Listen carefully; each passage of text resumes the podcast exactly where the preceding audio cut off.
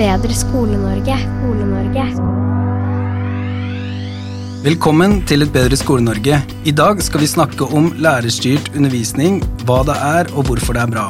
Vi har fått besøk av en erfaren lektor, Morten Brattbakk, som også har skrevet flere kronikker og stadig er aktuell i debatten om norsk skole. Bli med og lær litt mer om hva lærerstyrt undervisning egentlig kan bidra med. Velkommen hit, Morten. Jo, takk. Et bedre Skole-Norge. Skole-Norge. Min inngang til det her med lærerstyrt undervisning er jo at jeg ofte tenker på det som en kontrast til utforskende undervisning. Altså etter LK20 kom, så har det jo blitt veldig mye vektlegging av dybdelæring, at man skal fordype seg i ett tema i stedet for å bare hoppe fra tue til tue og lære litt om, eh, litt om alt. Så skal man heller lære i dybden og fordype seg skikkelig, sånn at uh, Øystein Gilje sa vel en gang at uh, dybdelæring er å holde på med noe så lenge at du kan det skikkelig godt. Så, og ofte så er det jo sånn at man tenker Kanskje det er en feilslutning, men ofte tenker man vel på det som en slags pendelbevegelse, at kunnskap er på den andre sida, og ferdigheter og det å anvende det i praksis er på den andre sida. Så det blir en slags pendelbevegelse fra kunnskap og over mot ferdigheter. Og det er nødvendigvis ikke en sannhet. Er det et sted å starte, eller? Ja, det er det, og det er, jo, det er jeg jo helt enig i. Men for å forklare hvorfor det er sånn, så må vi starte litt med altså hvordan vi lærer, og hvordan hjernen fungerer. Og da kan du si litt, litt forenkla, men at det er to typer minne som vi har når vi lærer. Og det er det som vi kaller for arbeidsminne, og så noe som heter for langtidsminne. Langtidsminne, der lagrer vi alt som vi husker til seinere. Så alt som vi husker, det har vi lagra i langtidsminne. Arbeidsminne det er det som vi bruker både når vi skal lære ting, når vi tar beslutninger, når vi skal løse problem. Arbeidsminne det er det som vi er bevisst på at vi tenker og bevisst på at vi vet akkurat nå. Tenk på alt det du har lagra i hjernen som du ikke tenker på akkurat nå. Det er jo milliarder av, av, av ting. Men det arbeidsminnet det må vi bestandig bruke når vi skal, skal gjøre ting. Løse problem, lære noe. Um, og, når, å lære noe vil jo da si å legge det i langtidsminnet. Å legge noe i langtidsminnet det kan jo være alt fra enkle fakta til faktisk ganske kompliserte problemstillinger som du har tenkt over, eller løsningsforslag og hvordan du skal løse et problem og sånn. Så alt det må lagres i langtidsminnet. Problemet med arbeidsminnet det er det at det er veldig veldig begrensa. Er det som forskerne sier at det er kun kanskje fire til sju elementer vi kan ha i arbeidsminnet til enhver tid. Det som måte, gjør arbeidsminnet veldig brukbart, det at det veldig lett henter ting fra langtidsminnet. Så når vi skal løse et komplisert problem, for eksempel, så kan vi hente ting som vi har lagt i langtidsminnet. Men får du presentert et veldig komplisert problem om ting som du ikke kan noe om fra før, da blir det overbelastning, og da, og da fungerer ikke. Hvordan er en overbelastning, og hvordan oppleves det? Nei, altså så Har du noen gang vært på en forelesning om et tema som du ikke kan, og så kommer det masse ord du ikke skjønner. Det snakkes om noen ting som du ikke har hørt om, og, da bare mister du eh, fokuset. Mm. Det tror jeg er ganske mange som, som har opplevd, mm. og, og, som vil oppleve i, i skolen òg. Og da er det sånn da at når du skal løse et, et problem, så henter du ting fra langtidsminnet. Og det når du snakker om den pendelen, så, så, så, vil jeg si at altså, den problemstillinga blir faktisk veldig feil. fordi at det du gjør når du da driver med utforsking, f.eks., eller skal, skal løse et problem, skal vurdere ulike ting, det du gjør, det er da altså hente ting fra langtidsminnet. Så uten at du har det lagra i, langtidsminnet, så klarer du ikke å ha den refleksjonen. Det går ikke an. Ehm, sånn at nå ble en pendel liksom bort fra kunnskap og til ferdigheter så, så, mener jeg at nei, det, har ble en pendel bort fra både kunnskaper og ferdigheter. Fordi at når du tar bort læringa av, av, av, kunnskaper, som systematisk bygger opp sånn at du får en ferdighet, da blir ikke ferdighetene så gode heller. Og, og Da kan vi ta f.eks. da, ta leseferdighet. Når du først har lært deg å lese, da, sånn at du klarer å tolke ord og sånn, så er det jo sånn at, eh, at dine kunnskaper om temaet, det er det som avgjør om du får til å tolke det som står der, eller ikke. det har vært mye snakk om leseferdigheter, og det å tolke tekster og dekonstruere tekster og sånne ting. Og ulike typer lesing for å få ut innholdet og sånn. Men det er sånn at hvis du ikke kan de ordene som står der, hvis du ikke kan innholdet, ikke kan konteksten, da leser du ikke godt nok. Men det er jo avhengig av faget og hvor godt du kan faget. Sånn, det, det er faktisk Kunnskapene om det som står i setningen, er jo da viktigere for leseforståelse enn en annen sånn egenskap som heter leseforståelse. Det er flere forsøk som er gjort om det, men et godt eksempel er jo i USA. Hvor de da hadde tatt elever som både, hadde scora både dårlig og bra på leseforståelse. Men så har de gitt, dem noen setninger om, om, basketball, hvor de da skulle rekonstruere med, med, ball det som sto i teksten at, at, de skulle gjøre. Og Da var jo de som var flinke i basketball, det var jo ofte de som ikke kunne lese så godt.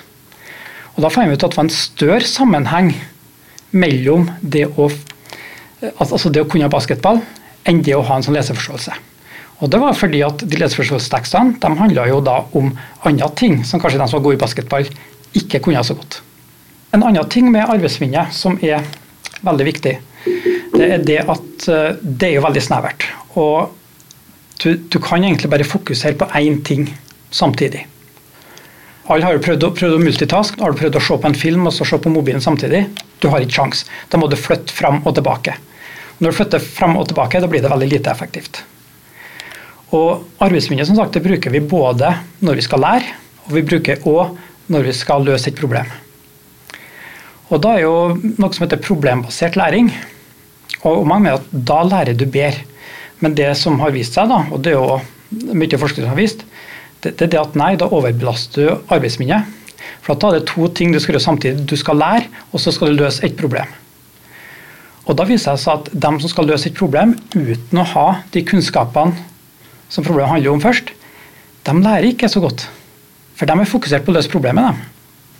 Så Derfor så skal du lære, så må du lære de tingene først, og fokusere på at nå skal du lære det. En annen ting med arbeidsminne er at det er veldig sårbart for distraksjoner. For skal du lære noe, så må du være konsentrert, og det krever litt sånn effort og er litt vanskelig. Vanskelig å holde fokus bestandig. Så Hvis du har en mobil liggende ved siden av deg som lyser opp, for eksempel, så ødelegger det for arbeidsminnet. Eh, samme gjør uro i klassen. og så la seg, Hvis du er redd for mobberen som sitter bak deg, og sånne ting, det å ødelegge da for det fokuset som arbeidsminnet trenger. Så, sånn at det, det er jo da når du bygger opp generelt, altså, altså bygger opp sakte, men sikkert de kunnskapene som, som faget trenger, da begynner du også å få problemløsning. Det her med Arbeidsminne er veldig interessant. eller Noen ganger jeg skal, hvis jeg skal gjøre mange ting i løpet av dagen, så skriver jeg alltid en liste først, for hvis ikke glemmer jeg det underveis. Eller jeg klarer ikke den der, Bare det å huske på belaster sikkert arbeidsminnet mitt så mye, så jeg ja. må liksom ha en strategi. da. Ja. Og Vi har jo merka det noen ganger på skolen at vi må strukturere ting veldig tydelig. Og det er sikkert noe av det samme at uh, for elevene så må de få de passe store porsjoner da, for ja. å ikke bli overbelasta. Ja. Mm. Og så er det vel også sånn, Jeg har jo sett eh, noen eh, barn eh, for eksempel, som ikke har lært seg gangetabellen ordentlig. da Sitter mm. og teller på fingrene og sånn. Ja. Det er vel det at ting ikke har blitt overført nok til arbeidsminnet. Mm. rett og slett. Og så er det en annen ting som noen snakker om, er sånn konnektivisme, eller at man Noen kaller det foraktivering, f.eks. For eksempel. sånn er det at før man begynner å undervise la oss si om den kalde krigen, ja. så spør man i klassen hva vet dere om den kalde krigen? Ja. For å liksom hente det fram fra langtidsminnet. Ja. Sånn at man da kan komme med noen nye biter som man på en måte hekter inn på de gamle, eller bygger videre på, eller sånn. Det er riktig forstått, det, eller? Ja, men det krever jo at, elevene kan en del om den kalde krigen. Mm. Vi kan se litt på klasseperspektivet. ja. Fordi at det er jo sånn at læring må jo tas i trinn. Og spesielt når du da er nybegynner, så trenger du lærestyrt undervisning. Du må lære de ulike elementene, og du må automatisere. For det er det med arbeidsminne. Det er sånn at det, det henter jo ting fra langtidsminnet. Og jo mer du har automatisert, jo mer frigjort blir den begrensa plassen i arbeidsminnet. Så la oss si f.eks. Du, du snakker om gangetabellen.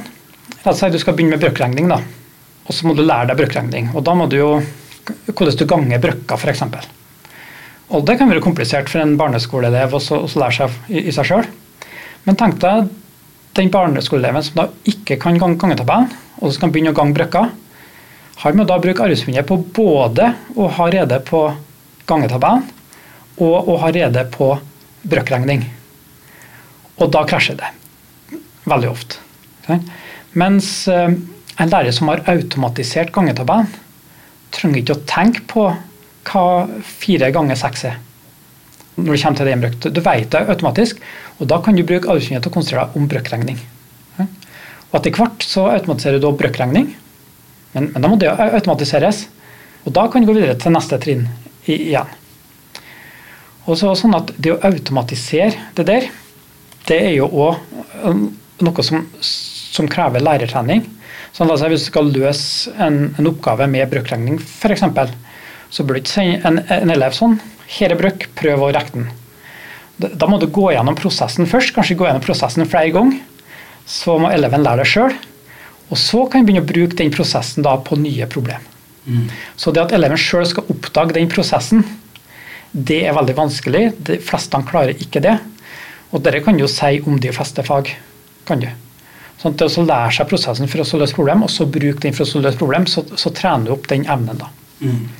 Men så er det sånn at de som kommer fra hjemme, da, som kanskje ikke er sånn akademiske hjem, det kan jo, For det første så er det ofte at de ikke har like gode forkunnskaper. Kanskje fordi de ikke har fått det fra foreldrene.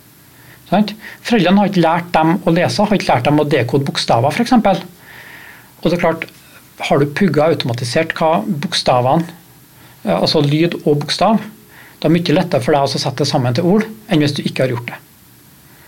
Og dem som da, det er de som ikke har fått det hjemmefra, og hvis skolen ikke fokuserer på den pugginga som faktisk må til, da er det mange som ikke lærer seg godt nok å lese fordi at de kommer fra hjemme hvor de ikke har lært det på forhånd. Så det svikter jo skolen sin oppgave ganske mye.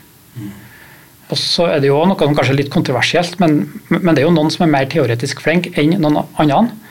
Og det kan gå både på at kanskje arbeidsminnet er litt, uh, sterk, altså, altså litt større for, noen enn noen andre. Det kan gå litt på evnen til å hente opp det som er relevant. Og kanskje noen har lettere for å legge ting i langtidsminnet enn andre har.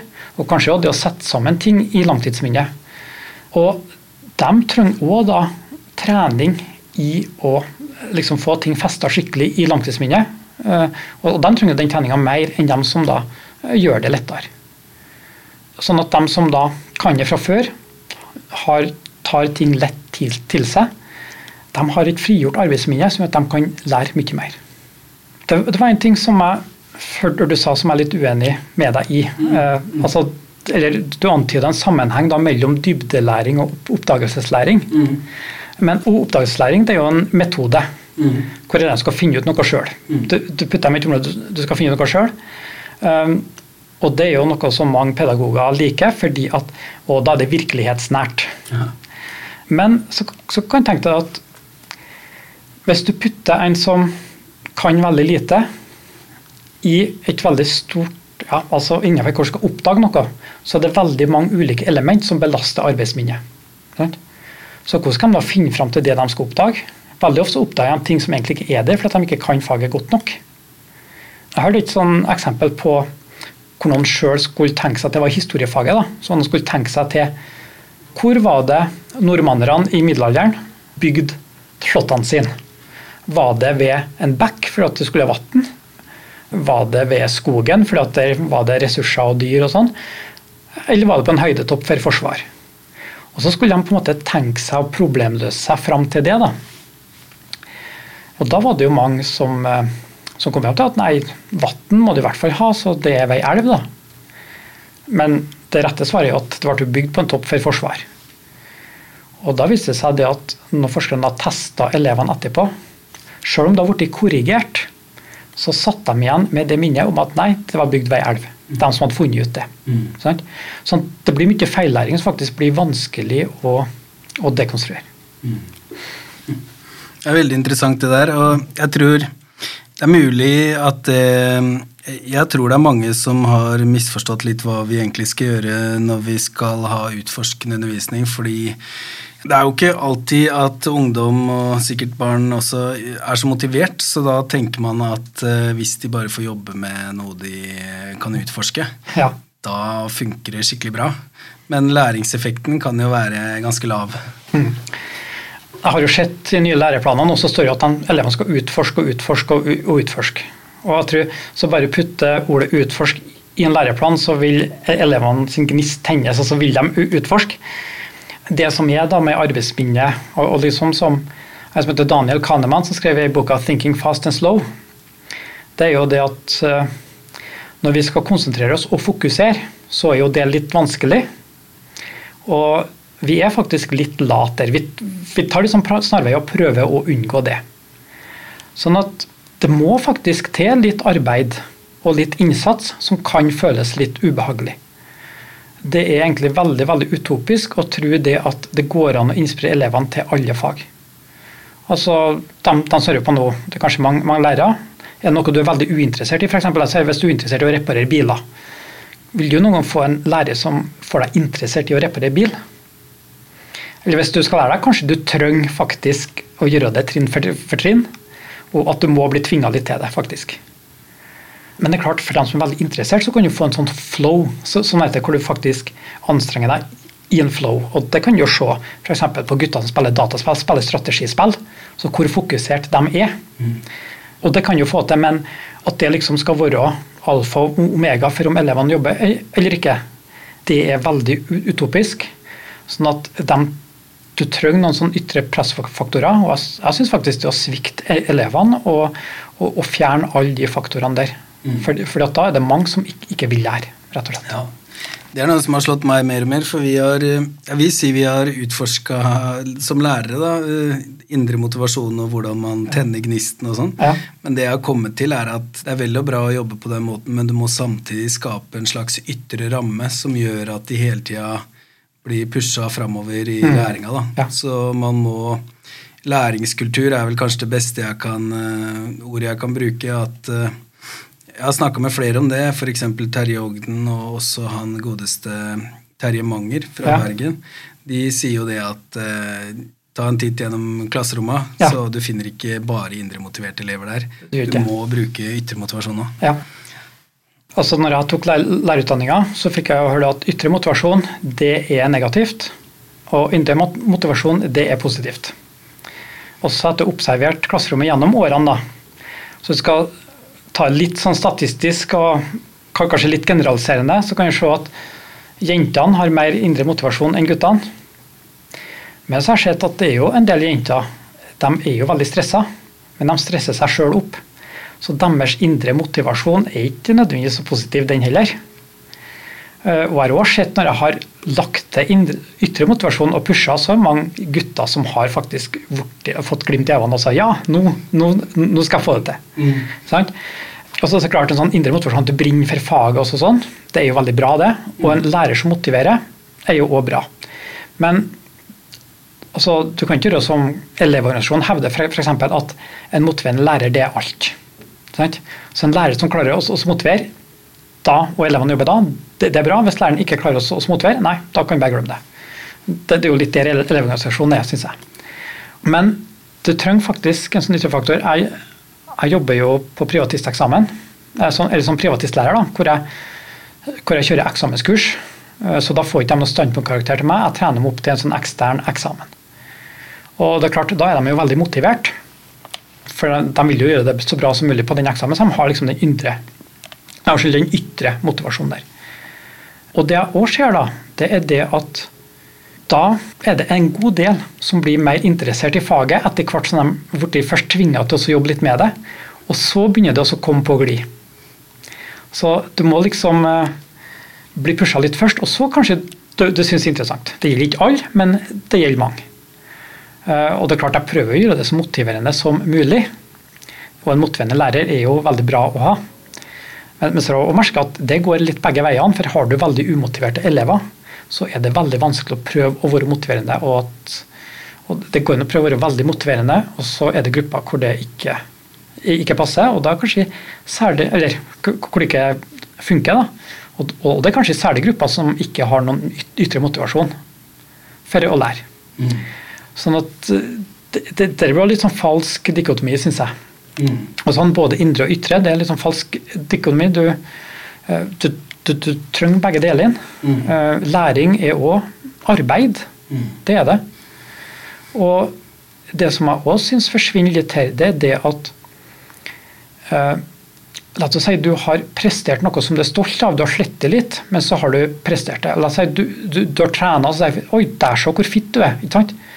Eh, da er det sånn, Hadde vi magisk vis blitt fit, så hadde du ikke vært like stolt som at du har faktisk trena deg opp til det.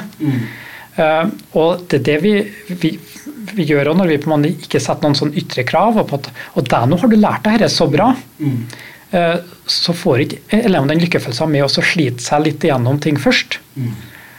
Um, og, og, og, og, da er det jo Men jeg tror mange, kanskje særlig de svakeste elevene, de, de sliter veldig nå fordi at læreplanmålene er så ulne, de er så vage, de vet ikke hva de skal, så de føler at de ok, Sjøl hvis du prøver, så får du det ikke til.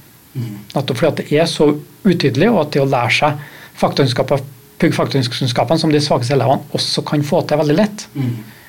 Uh, at, at det er tatt bort det, så, så da vil jo de føle seg mer mislykka, faktisk. Ja, ja. Vi, vi, har reagert litt på det sånn over tid, fordi før i L97 så var det jo sånn at uh, i kristendomsfaget som var da, så sto det vel noe sånt som uh, de skal kunne de fem historiene fra første Mosebok, eller det var sånn ja. veldig tydelig. Ja. Jeg syns jo det var fint, for da skjønte jeg hva som Jeg var ikke lærer på den tida, riktignok, men da skjønte jeg akkurat hva jeg skulle gjøre. Ja, men nå så er det jo det var jo et uh, eksempel som ble delt av Hagen og hun Leseklara i en kronikk i Dagsavisen, hvor de snakka om jeg tror det var historiefaget, hvor det var ulike sivilisasjoner. Mm. Og før så var det noen gitte sivilisasjoner, siden det var Romerriket, Sparta, Aten eller et eller annet sånt. Ja. Men, mens nå så er det sånn at siden det er så mye utforsking, så nærmest finner folk på sine egne sivilisasjoner. Mm. Altså det blir helt sånn ja. eh, Det blir helt eh, ko-ko. Så i stedet burde det jo være sånn at Sånn jeg tenker på det, er jo det er bra med kompetanse, at man skjønner hvilke ferdigheter de skal lære, men at jeg tenker at det først burde stått noen kunnskapsmål, og så noen kompetansemål parallelt. Ja. Så måten vi løser det på på vår skole, er jo at vi da tar eh, en ekstra kolonne i semesterplanen og ja. definerer det sjøl. Ja. Det blir jo kanskje ikke like bra, men da er vi i hvert fall i gang med det. Og så kan vi forbedre år for år og sånn. det er jo det med, med kunnskaper versus ferdigheter i en sånn falsk dikotomi. Mm. For ja, jeg snakker om det sjakkspilleringa. Sånn at mm Altså, at Samlinga av kunnskap som du har, det er det som er den maskina som du bruker når du skal ha ferdigheter. sånn at Du kan ikke begynne med ferdigheter før du faktisk kan mye. Sånn at skal du ha ferdighet og så vurdere på et eller annet vis de gamle sivilisasjonene, så må du faktisk ha kunnskap om Mesopotamia og Sumer og Akkad. Og ha kunnskaper om Egypt, ha kunnskaper om hvorfor de oppstod, ha kunnskaper om uh, ja, ulike forhold og, og, og sider ved dem, hvorfor de ble så komplekse sivilisasjoner osv. De kunnskapene må på plass. Uh, og når du har gjort det, da kan du begynne å se f.eks. på en kilde. Og ser, å ja, der står det, der står det. Så, så, vil noen si at nei, men det var jo noen som fant den kilda først. Det er jo noen historikere som da har funnet kilder. Så de starter jo, så hvorfor skal ikke elevene òg gjøre det på samme måte? da? Men det er klart, når en voksen historieprofessor som er vel versert i historie som generelt og har mange kunnskaper, og da er det jo de kunnskapene han har, som gir de forutsetningene for å kunne finne en kilde og tolke den helt på egen hånd. Den normale eller på, på vanlig videregående trenger mye guiding for å, å, å, få til det. Og trenger òg kunnskaper om de sivilisasjonene. Jeg er veldig opptatt av å prøve å gjøre Skole-Norge bedre. Det er jo. Sånn, ja, sånn, hva tenker du er nødvendig at lærere tar litt til seg? Det er jo det at, eh, at kunnskaper må, må, bygges opp. Og òg det at eh, problembasert læring, utforsking, eh, prosjektarbeid og, og alt det der, det belaster arbeidsminnet så mye at det ikke fungerer noe godt for dem som kan lite. Eh, ta prosjektarbeid, f.eks. også gruppearbeid og, så, og så sånne ting. Eh, da er det jo ja, og så skal du jobbe i gruppe og så samarbeide og sånn. Eh, da er det òg to ting du må gjøre samtidig. Det er jo også jobb med stoffet, men så skal du òg takle et sosialt spill.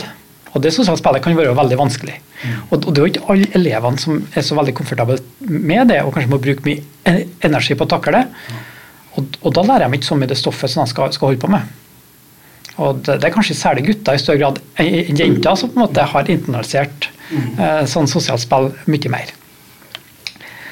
Um, og så tror jeg nok det at um, ja, det med pugging og automatisering ja, så Pugging har blitt litt sånn negativt lada ord. fordi at Da tenker du skal pugge en rekke med årstall som du aldri bruker til noe annet, f.eks.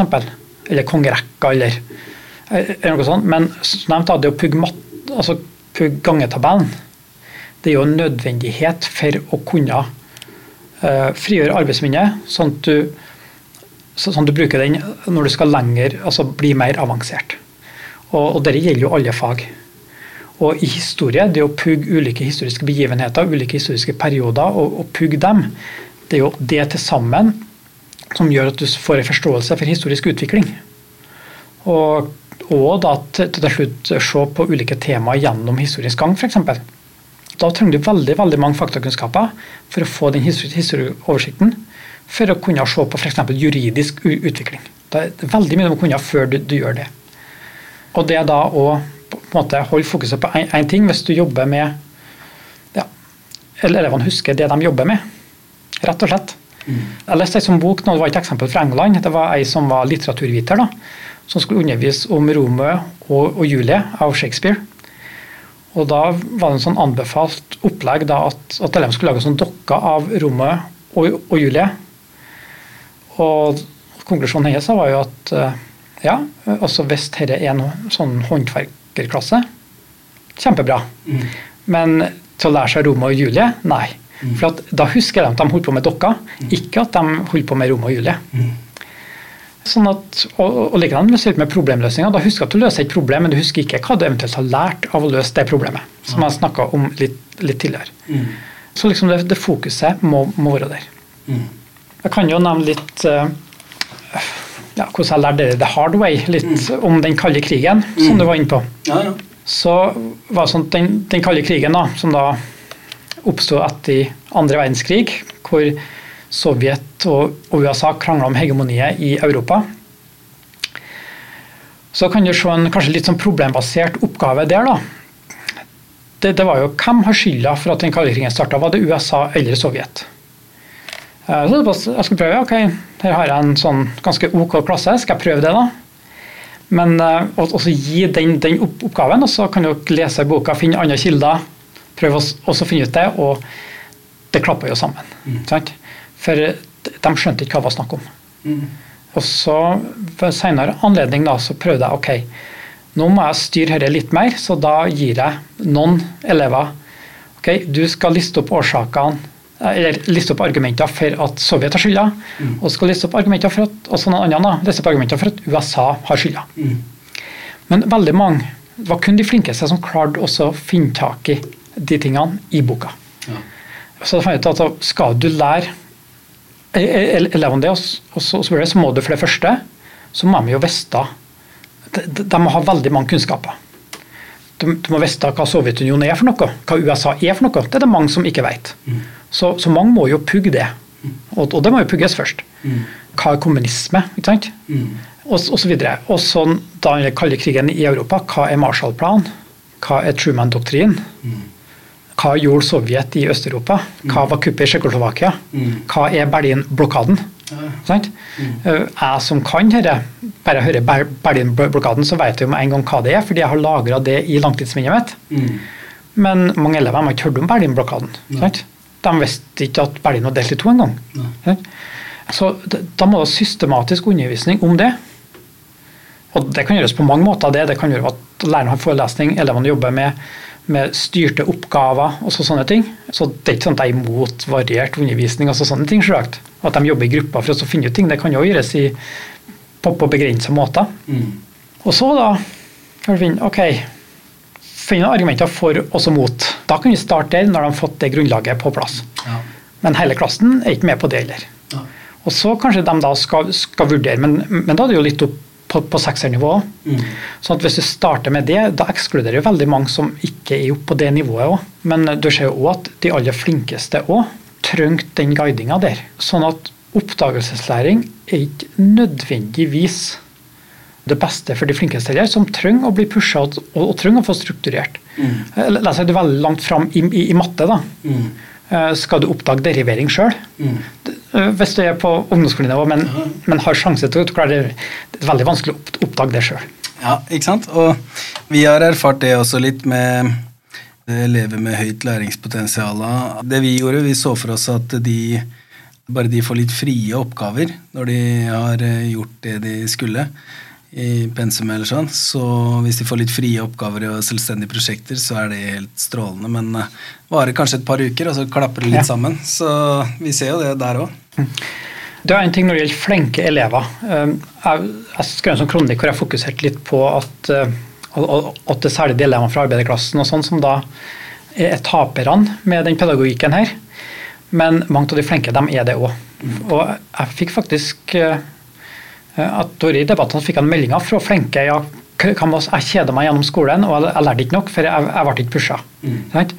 Og, og veldig mange flinke de trenger å bli pusha på sitt nivå. Ja. Gjør dem de. Så de må òg pushes. De må trenge å, å, å, å bli styrt. Det er veldig veldig få som er som kan styre seg sjøl så, så, så mye. sånn at det å være god i fag gjør ikke at du automatisk havner der. Nei. Det, det gjør ikke det. Nei, ikke sant? Og, så vi trenger læreren fortsatt. Absolutt. Det jeg tenker litt når du snakker, er sånn Jeg syns jo kanskje tidligere at skolen har vært for i hvert fall vurderingssentrert. At det hele tida handler om den neste oppgulpinga på en prøve eller sånn. At det hele tida er sånn eh, prøve, prøve, prøve. Men eh, hva tenker du om vurdering i forhold til det her? Vurdering, ja. Du, det, det er et veldig godt spørsmål. Eh, Jeg reagerer litt på at du sier oppgulp.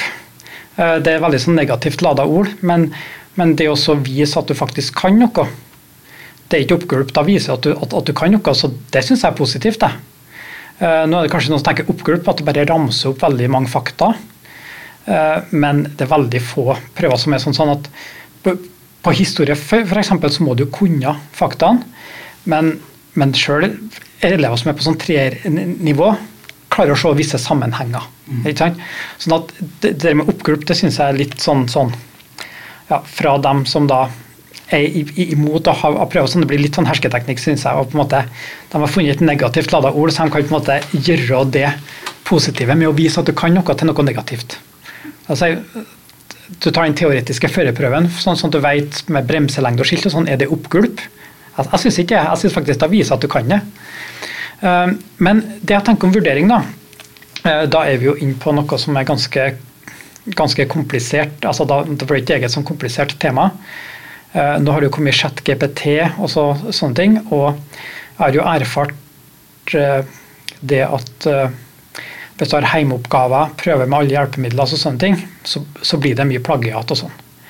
Eh, og ja, eh, så La oss ta for da eksamen med alle hjelpemidler og prøve med alle hjelpemidler kontra prøver uten. Eh, Så er det sånn at De som kanskje er på det laveste taksonomiske nivået, som kanskje ikke takler helt det med å ja, vurdere, også sånn, men likevel kan de noe, de får ikke vist hva de kan, dem, eh, når du har alle hjelpemidler. Men har du uten, da får de òg vise hva de kan. Og det er sånn at De elevene som er reflektert og tenker fram og, tilbake, det må jo da lagres i langtidsminnet. Sånn at, eh, så, sånn at en prøve uten hjelpemidler vil òg måle dem opp på det nivået der. Mm. Sånn at En eksamenprøve uten, uten hjelpemidler, eller i hvert fall med kun utvalgte, alt, alt etter fag, eh, det kan da måle alle taksonomiske nivå. Mens en prøve med alle hjelpemidler, hva er den, den, den måler evnen til å ikke plagiere. og Det kan være veldig vanskelig for svake. De kan jo ofte dette ved fristelser til å plagiere. De, de er nødt til det for å klare noe. Sånn jeg synes faktisk veldig dårlig gjort overfor dem å ha som prøve, for da får de ikke vist hva de kan. Ja. Og de som er flinke, de klarer det likevel. Og så husker jeg også på at jeg var eksamenssensor når det var sånn åpent i, i internett. Det var i engelsk, internasjonal engelsk, så fikk de oppgave om flyktningkrisa. Dette var vel i 2016, det var rett etter den flyktningkrisa. Uh, og mange av dem hadde åpent i internett for det var sånn test, te- testing. da. Men det var tydelig at mange ikke hadde hatt om akkurat det temaet i klassen, for det sto ikke spesifikt om det. De skrev det likevel. Og det jeg så ut ifra hva de skrev, så var det veldig flinke elever, men det ble bare eh, sånn om, om ikke kopiering, så, så hvert fall de bare kopierte ar, altså argumentene eller fakta som, som var i tekstene. Og, og det er fordi at med det begrensa arbeidsminnet så har du ikke tida til å sette deg inn i å tolke og vurdere og sette opp mot hverandre kilder når du skriver i løpet av tre-fire timer. Mm. Du, du trenger mye lengre tid enn enn det, faktisk. Mm. Så Derfor så er det òg en veldig dårlig eksamensform. Men det er også en sånn vurdering, sånn som det er nå. Det er det at uh, Jeg jeg merker meg at veldig mange elever er stressa, for de vurderes hele tida. Og nå er det jo nesten en kakofoni av ulike vurderingssituasjoner. Refleksjonssamtaler, prøver med og uten hjelpemidler, kartleggingsprøver osv. osv. osv. Og, og ikke minst de jo vurdert i timene. Eh, det var det på så jeg har jo hørt Ellen snakke om at jeg er så sliten for jeg blir vurdert hele tida. Og jeg syns virkelig synd på dem som, som blir vurdert hele tida. Og da, når det er snakk om sånn langtidseksamen i stedet for en, en eksamen, og sånn, da, ja, for prosessen skal jo vurderes. ikke sant? Den blir jo vurdert i løpet av en, en prosess. Og da kan du tenke deg ja, Ta, ta f.eks. kjøreopplæring. da. Mm. Du skal ha en sånn praktisk kjøreprøve. Men da tar du jo kjøretimer først, og så kjører du opp. Og Da, klart, da er du jo nervøs før den oppkjøringsprøven. Men tenk deg hvis du hadde visst av det at kjørelæreren din han tar råd og dømmer deg. Han tar hele tida og ser hva du gjør mens du samtidig skal lære å kjøre. Og Det belaster arbeidsminnet ganske mye, for da må du tenke på to ting. Å lære meg å kjøre, og å bli vurdert. Eh, Så jeg syns faktisk det at eh, det burde bli et større skille, og et mye tydeligere skille, mellom det å lære seg ting og det å bli testa i det. Eh, Og den testinga blir jo en sånn ytre motivasjon. Men det er klart, hvis de kriteriene og det du kan, hvis det på en måte er innenfor rimelighetens grenser, så takler en gjennomsnittlig elev det. Det var noe som jeg leste i en nylig bok, at hvis du er litt stressa, så, så presterer du bedre enn, enn hvis du ikke er stressa. Og det vet alle som har tatt kjøreprøven. Som har holdt en tale i et bryllup f.eks. Som uh, har tatt en eksamen. Mens hvis du er stressa hele tida, så er det negativt. Så jeg, jeg syns faktisk at med det vurderingsregimet som fortsatt nå, skal på en måte ta bort eh, de eksamene og de litt sånn sunne prøvene som kommer innimellom, og så skal de innføre vurdering konstant, Mm. da tar de, tar de bort det kanskje litt sånn sunn, sunne presset, som er sunt for de fleste, og som gjør at de lærer mer, og så innfører de et kontinuerlig press i stedet. Kanskje. Det vi har erfart tidligere, er at før så hadde vi jo 90 vurderingssituasjoner eh, kanskje i løpet av et år. Ja. Så vi hadde tre vurderingssituasjoner med karakter i uka. Og det som vi opplevde da, var vel at elevene bare kasta inn håndkle. Og Ja. i hvert fall mange av de da. De mest pliktoppfyllende. Det som ofte skjedde, var at vi merka at vi mangla litt grunnlag på noen elever. Ja. karaktergrunnlag, og da innførte vi enda flere vurderingssituasjoner. og det gjorde jo at vi stressa de mest pliktoppfyllende, så Ja. for dem funka det ikke. Mm. Og for de som ikke var så pliktoppfyllende, så gjorde de jo ikke de heller. Nei. så den vurderingspraksisen funka ikke i det hele tatt. da. Nei. Som Sånn vi gjør det nå, er at vi gir karakterer fire ganger per år. sånn at da, Og da er det jo eh, ikke på VG3, da får de vite åssen de ligger an hele tida karaktermessig etter jul. Ja. Men på VG1, 2, VG1 og 2 så gir vi fire ganger per år Mm. totalt. Og da er det litt sånn at vi sier at vi er i øverrommet fram til påske, Ja. og fra påske og ut så er vi i prøverommet. Ja, sånn så da gjelder det å prestere. Ja. Men det er litt sånn eh, stol på meg, jeg er eh, litt sånn eh, ja, Skal jeg ikke bli for tullete, men det er litt sånn uh, Karate Kid-treneren som Stol på meg, jeg kommer til å ta deg gjennom. Og så får du vite det fire ganger i året. Hvis de får vite hele tida også, så det blir vanskelig å ha en god relasjon, rett og slett. Man. Mm. eh, man får en sånn dobbelthet ved seg, at man hele tida ja, klassisk får på den dommerhatten. Ja. Det er jo noe som jeg Jeg har jo jobba i offentlig skole før, hvor jeg har gitt standpunktkarakter til elevene og vært både da treneren, advokaten deres og dommeren. Og, og det er en dobbeltrolle som, som ikke fungerer, syns jeg. Eh, nå er jeg jo privatistlærer, hvor jeg da trener opp til eksamen. eksamen. Og, og det jeg merker da, det er at eksamen den er litt skummel, den er bad cop. Og så skal jeg hjelpe dem fram til eksamen. Eh, og da blir jeg good cop.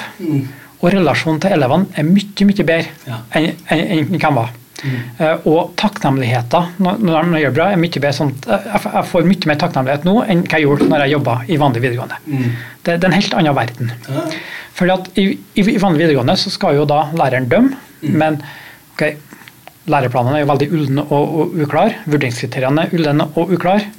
Um, det, det er ikke noe særlig standarder på, på hvilken type prøver du skal ha sånn for å få karakter. Sånn at, um, og elevene får jo da mange insentiver for å smiske og krangle, kanskje dra inn foreldrene og sånne ting. Uh, der jeg jobber nå, så har elevene ett insentiv til å prøvde å lære, lære mer. Mm. Så eneste de kan, kan, kritisere meg for, da, det er at, at, at, jeg ikke lærer bort godt nok. Mm. Sånn at det skillet der, mm. det syns jeg er veldig, veldig veldig bra. Mm. sånn at jeg har tenkt på at hvis jeg hadde, hvis jeg hadde fått det bestemt, mm.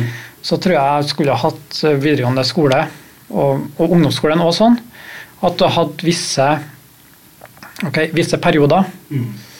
Jeg vet ikke hvor, hvor lang, men men kanskje en par måneder, eller noe sånt, hvor læreren hadde trena opp eleven til en prøve som ble eksternt vurdert. Mm. Og at det hadde blitt standpunktkarakteren. Ja.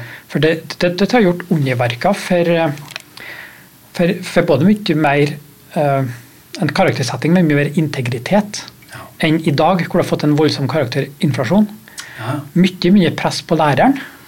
Mm. som da ikke trenger å krangle med elevene. Og at elevene ikke føler at de får karakteren fra læreren, men at de faktisk oppnår en karakter. Mm. Uh, så det, det, har jeg tenkt litt på etter at jeg begynte på, på privatist og så sett uh, hvordan annen verden det er. at Sånn syns jeg òg vanlig videregående burde bli. Mm. Men, men, det, det også gjør det at jeg har jo innleveringer, har noen prøver, noe sånn til muntlig eksamen, altså gruppearbeid hvor vi på en måte øver på, på eksamen, sånn, så gir jo tilbakemelding på at ja, nå ligger du på den karakteren der. Mm. Mm. Um, og, og, det er veldig bra. Også for å da gå opp fra fire til fem, så må du gjøre sånn og sånn og sånn. Ja. Uh, så, men, men, men, da blir det en del av treninga, mm. ikke ei vurdering. Ja. Ja. Så det, det, er veldig sånn komplisert og tungvint vurderingssystem som virkelig blir mer og mer og mer komplisert og tungvint i, i, i vanlig videregående nå. Mm. Eh, med også veldig mange ulike typer vurderingssituasjoner. Eh, som òg tror forvirrer elevene. Jeg vil jo si På muntlig så er det jo også veldig vel, Det kan jo være flaks, ikke flaks med sensoren også, på en måte. At uh, man vet kanskje fra den skolen, så da blir det ikke så bra karakterer. Mm. Mens er det fra den skolen, så da går det sikkert fint. Ja. Uh, og det har jo med at det ikke er gode nok vurderingskriterier. Ja. Vi har veldig ulne læreplaner, så hva, hva det elevene egentlig skal kunne, det er jo veldig uklart. Mm. Uh, og på muntlig eks eksamen så er jo ikke noe vurderingskriterier fra direktoratet. Det er jo per fylke. Uh, og i ungdomsskolen er det kommunene mm. som da bestemmer vurderingskriteriene. Mm. Uh, så, så, klart, her er jo sentrale myndigheter de må ha mye tydeligere både læreplaner og vurderingskriterier. Mm. Um, og, og, det gjelder jo skriftlig òg. For mm. det er jo uh, jevnlig nesten så kommer jo oppslag om at uh, ja, en elev som fikk toer i norsk, klager og fått fem. og sånn. Ja. Også det at, uh, at sensorene ikke klarer å skille mellom tre og fire og fem og seks. Mm. Men uh, jeg syns det er veldig dumt det, altså, for Lærerne får skylda for veldig mye som egentlig systemet kan. Mm. Eh, som systemet har, har gjort feil. Mm. Og, og, her er jo Utdanningsdirektoratet som har veldig vage kriterier. Mm. Uh, sånn at, eller ikke kriterier i hele tatt da, når det er snakk om muntlig eksamen. Det her er dem som må ta ansvaret og gjøre det, det tydelig, sånn at veiledningene blir veldig tydelige. Ja. Um, jeg, jeg, jobber jo, jeg jobba veldig mye som privatistsensor. Mm. har jeg. Mm. Og der har jeg jo sett at altså, Der har jo blitt på en måte et sånn, et sånn vurderingsfellesskap, kan du si. da, mm. uh, Hvor vi klarer, ja, hvor vi vet veldig fort hvilken karakter som ligger på. Mm. Men uh, det, det, er klart for lærere som er sensor bare nå og da, ja. så, så, så, er det veld, veldig vanskelig. Ja. Uh, og, og da, som på skriftlig eksamen hvor ja, det er veldig vanskelig å skille mellom tre og fire for en sensor. Mm. Når det er vurderingskriteriene er tre og fire, det her. her. Sånn, Vurderingskriteriene skiller ikke mellom tre og fire, de skiller ikke mellom fem og seks. Ah, og så forventer de at en sensor skal få det til. Nei, her er det myndighetene som har svikta. Det er herlig at vi snakker med litt store bokstaver. Vi må gå inn for landing nå, men uh, hvis jeg skal prøve å oppsummere kort, så blir det jo å si det at uh, hvis du som lærer kanskje hadde en litt sånn uh, hva skal jeg si, tilfeldig sammensatt lærerutdanning, sånn kanskje jeg opplevde at den var litt, at jeg ikke lærte spesielt mye om eh, undervisningsmetode, men veldig mye om psykologi f.eks., så, så er det verdt at du bruker litt tid på å sette deg inn i arbeidsminnet med, i forhold til korttidsminne og langtidsminne. Morten har forklart eh, grundig her nå, men det går an å Jeg vet det noen flere gode podcaster. Eh, og så er det jo det at utforskende undervisning eh, forutsetter jo en god bank av kunnskap, sånn at det er viktig å understreke det. Eh, det er også sånn, Jeg tar meg bryet med å kritisere myndighetene litt, jeg òg. At eh, det er uheldig å ha så vage kompetansemål som vi har. Jeg vet det alltid er masse bieffekter av det man holder på med, men, eh, men jeg tror bieffektene av å ha så vage mål er så store at vi burde vurdere i hvert fall en frivillig guide som kan fylle ut med kunnskapsmål, sånn at det blir litt tydeligere. Og så er det det her med vurdering, da. At vi vet egentlig at den enorme autonomien som faglærere har, den såkalte 80-20-regelen med at faglærer faglærere setter 80% av karakterene, så er det 20, 20 som blir vurdert av sensor eller sånn. Det vet vi at slår uheldig ut. Eh, det har vi gode dataer på, særlig i forhold til gutter. De mister en slags trynefaktor eller får blanda inn det man kaller eh, sosiale ferdigheter, så vidt jeg husker det blir kalt. Altså, de, de, er ikke alltid så interessert, og selv om de kan mye fagstoff, så får de trekk fordi de virker litt uinteressert og sånn. Det er, eh, det er rett og slett ikke bra. Men det verste av alt er jo at hvis man ikke lærer bort kunnskap, men jobber for mye med utforsking og sånn, så går det jo utover de kanskje mest sårbare, eller de fra fra arbeiderklassen, eller hva man skal si, da, som, eh, som, hadde trengt en eh, stødig veileder som eh, Eller stødig lærer som lærte de brikke for brikke, sånn at de til slutt kunne bygge et stort Lego-figur. Det var det vi hadde i dag. Tusen takk til Morten Brattbakk. Vi høres neste uke. Så tusen takk for at du hører på. Bli med. Gjør Skole-Norge bedre. Ha det bra.